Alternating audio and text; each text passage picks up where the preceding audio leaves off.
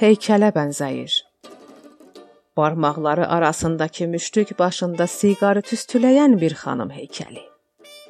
Dibi düşmüş lötkənin içində əyləşib, dənizlə göyü bir-birindən ayıran sərhəddən sahilə doğru gələn lötkəyə baxır.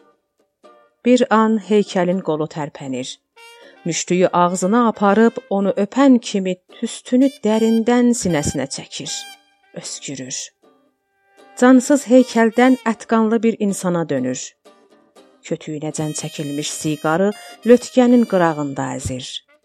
Kötüyü müştüyün başından çıxardıb qumsala atır. Kötük lötkənin qırağındakı zibil toplusunun üstünə düşür. Müştüyü xətkeş kimi iki barmağının arasında dənizə sarı tutur. Ufuqdan gələn lötkənin eni müştük boydadır. Dilucu mızıldanır. Görəsən gələn kimdir? Dal-badal öskürür. Nəfəsi xısıldayır. Kifindən bir esprey çıxardıb ağzına fısıldadır. Başını qozayanda qumsalda ayrı bir xanım görür.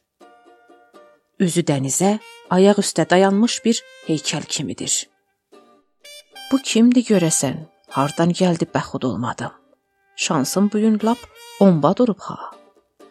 Kimi gözləyirdim, kim qabağıma çıxdı. Görəsən göydən yerə düşdü, yoxsa yer altından göyərdi?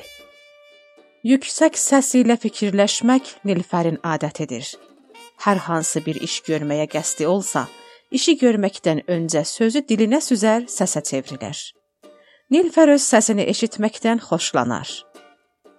Bax, əyni başındakı rənglərə nə də gözəl həmnəvalıq yaradıb tökmə bədənində.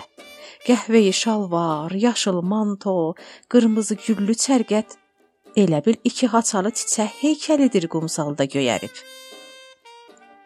İki haçalı çiçək dimdik qaramtıl bir çəmədanın qırağında dayanmışdı. Nilfər onun şəsli bəsli qamətinə, duruşuğuna baxdıqca cavanlığını özləyir. Dalğaların çuşultusu Nərgizi özünə gətirdi.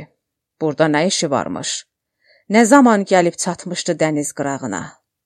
Yadına gələn iki astaranın sərhəddində otobusda əyləşmişdi. İndi isə Xəzərin qırağında dayanıb gözünü tikib dənizlə göyün bitişik xəttinə. Hələ də kalak etdi.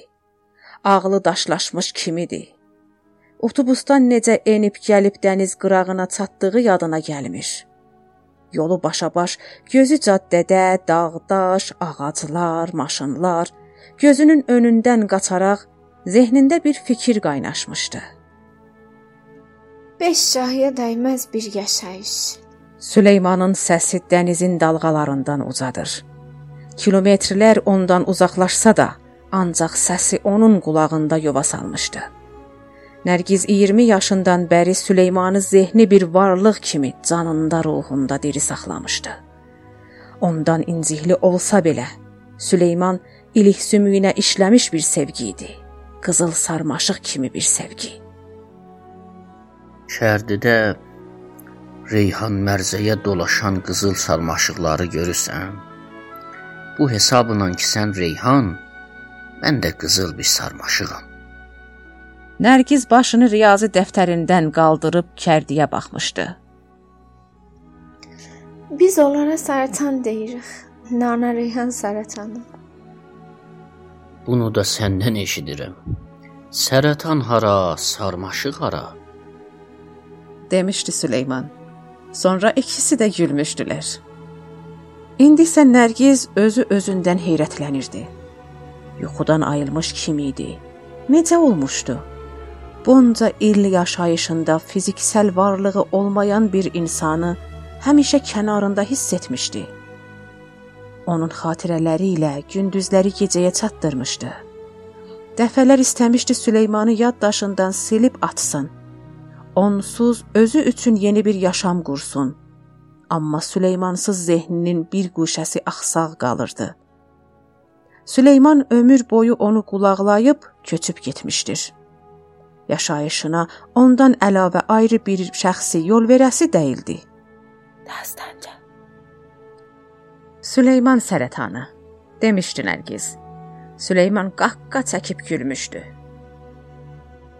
Hələ də yadından çıxmayıb. Yox. Bu olmadı ki. Baxma o zamana. Onda xam idim. Yəni sən kərdinin ətirli dadlı reyhan mərzəsi, mən də onun qızıl sarmaşığı, saralmış sərətanı da, hə? Hərçənd nabərabər müadilədir. İndi ki sən məni sərətan olmağa fəxr etdirirsən, olsun. Qəbul.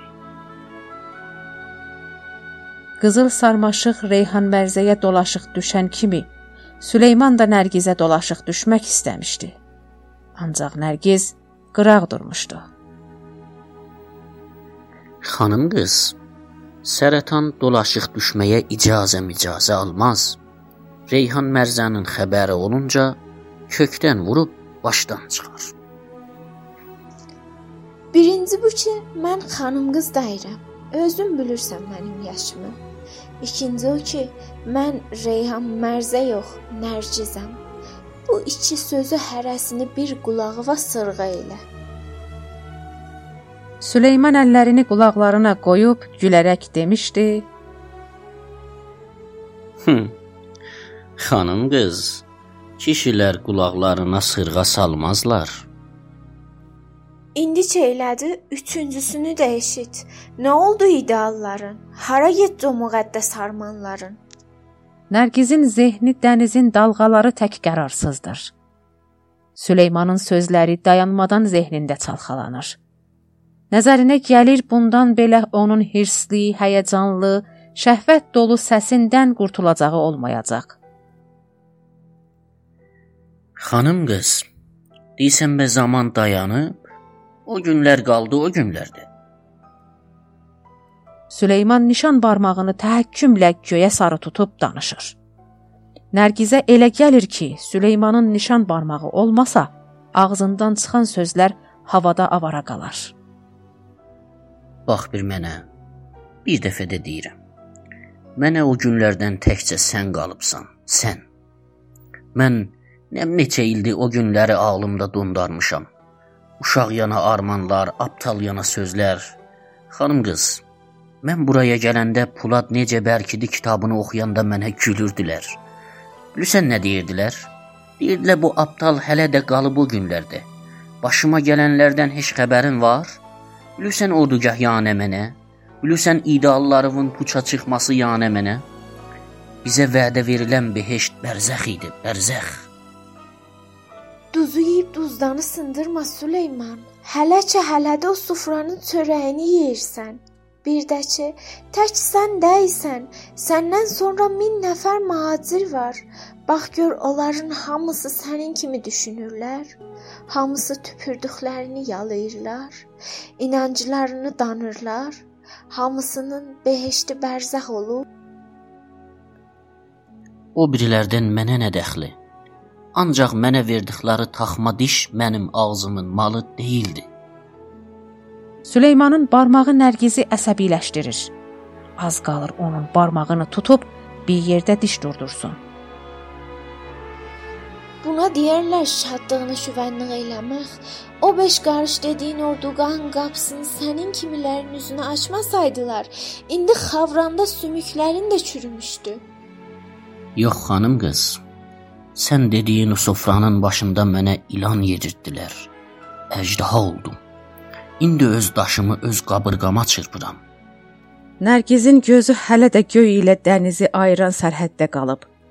Zehnində yaşamı ikiyə bölür. Süleyman köçüb gedəndən bəri yaşayışı tutqun buludlara bənzəsə də, keçirtdiyi bu son 2 gün dənizin təlatümlü əhvalına bənzəyir. Ömrünün bir çox günü tutqun keçsə də, ancaq sakin və təlatümsüz sovuşmuşdu. Dastanca. Amma bu son 2 günün təlatümü az qalıb onu öz burulğanına çəkib boğsun.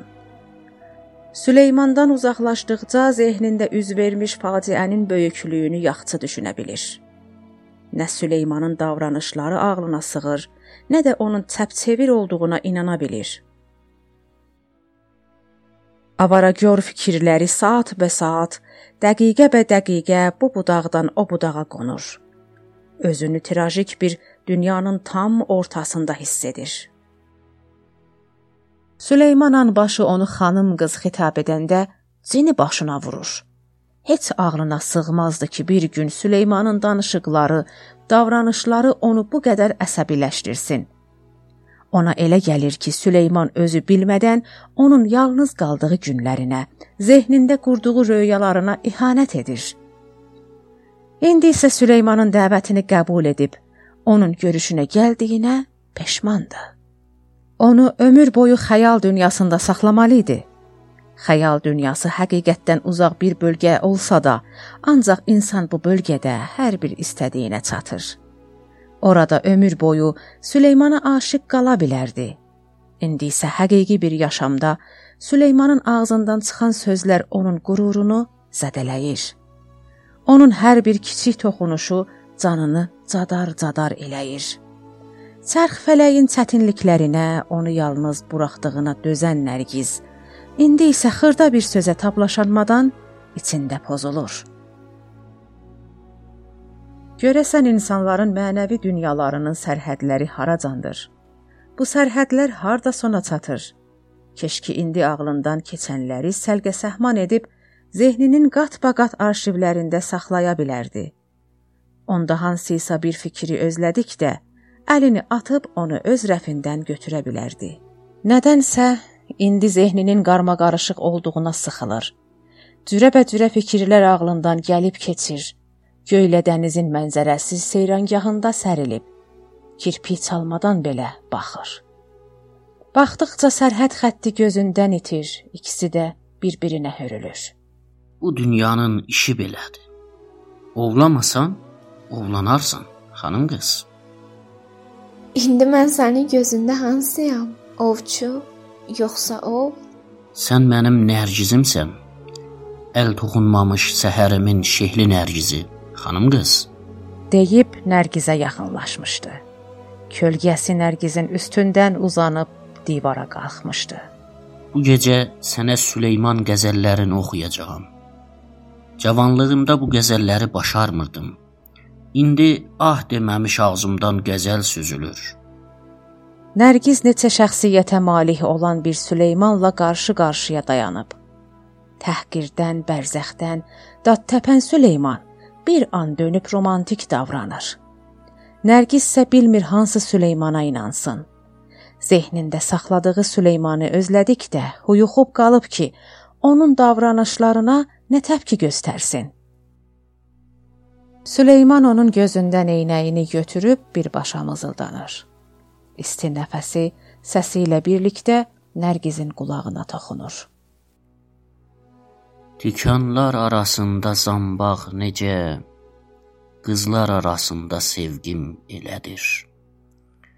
Orman ağacları arasında alma ağacı necə, ürəyimdə sevgim elədir. Zövq alıb kölgəndə dincələndə, meyvən damağıma dadlı gələcək. Xanım qız. Nərgiz eynəyi Süleymanın əlindən alaraq qalxıb ondan aralı bir yerdə əyləşir. Nə oldu? Bilirsən neçə il bu günün arzusunu çəkmişəm. Nərgiz isə ürkək bir halda hürüt-hürüt ona baxır.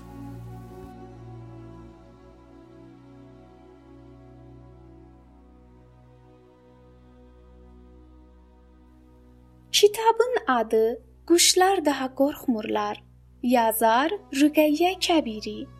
Bu kitabı səsləndirdilər Ravi Nəyirə Ərdəlanı, Süleyman Mehdi Miyablı, Nərgiz Fatimə Nəcəfzadə, düzənləyən Səccad Müslimi. Bizim axağa qatılmaqla işimizin ardını tutmaqda bizə dəstək olun. Axağımızın adresi Dastanca D A S T A N C A